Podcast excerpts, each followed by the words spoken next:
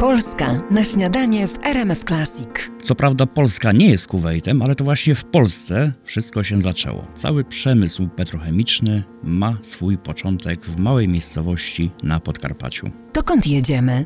Jedziemy do Bubrki. To jedyne muzeum położone na terenie czynnej do dzisiaj kopalni ropy naftowej. Można tu zobaczyć ropę naftową w stanie naturalnym, XIX-wieczne kopanki, czyli szyby naftowe oraz wiele sprzętu Muzeum Ignacego Łukasiewicza. Coś nas zaskoczy? Na terenie muzeum można zobaczyć jedną z najstarszych kopanek, wykonaną metodą górniczą już w roku 1878 do głębokości aż 132 metrów. Na terenie muzeum ciągle wydobywana jest ropa. Jest to mniej więcej 3,5 tony na dobę. Nie jest to ilość imponująca, ale ciągle ta ropa tam się znajduje.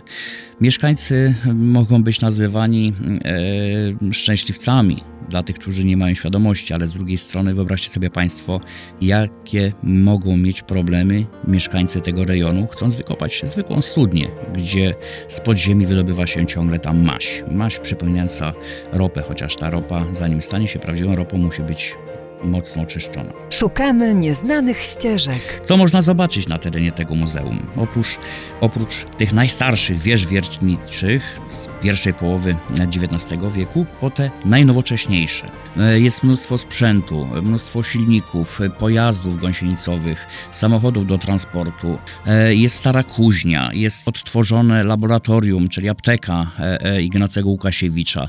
Możemy się poczuć jak w XIX wieku podczas prac nad oczyszczeniem ropy naftowej.